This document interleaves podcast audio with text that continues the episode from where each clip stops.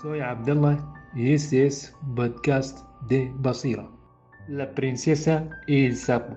Había una vez una princesa que deseaba y pedía a las estrellas encontrar el verdadero amor. Cada noche cerraba los ojos y pedía el mismo deseo y luego si se iba a dormir una noche cuando había pedido su deseo. Un sapo feo se paró en su balcón y le dijo, si tú me das un beso, seré no solo príncipe guapo, también seré de verdadero amor.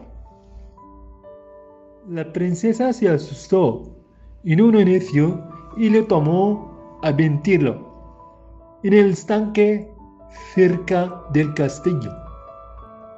La noche siguiente, el mismo sapo visitó a la princesa y le dijo nuevamente si lo deseaba a él, se convertiría a su verdadero amor y le amaría toda la vida. Además, la haría princesa y le daría un palacio enorme y muy hermoso. La princesa nuevamente no creyó en esas palabras y devolvió al sapo al estanque.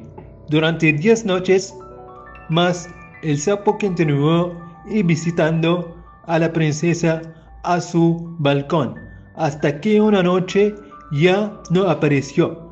Pasaron tres noches seguidas y la princesa se preguntó qué habría sucedido con el sapo.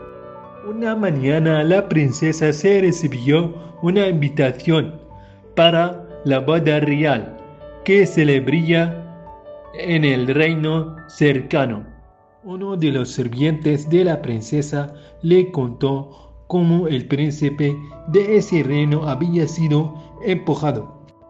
Había sido empujado por una hechería al convertirlo en sapo, y solo una bella mujer podría convertirlo nuevamente en un humano gracias a un beso.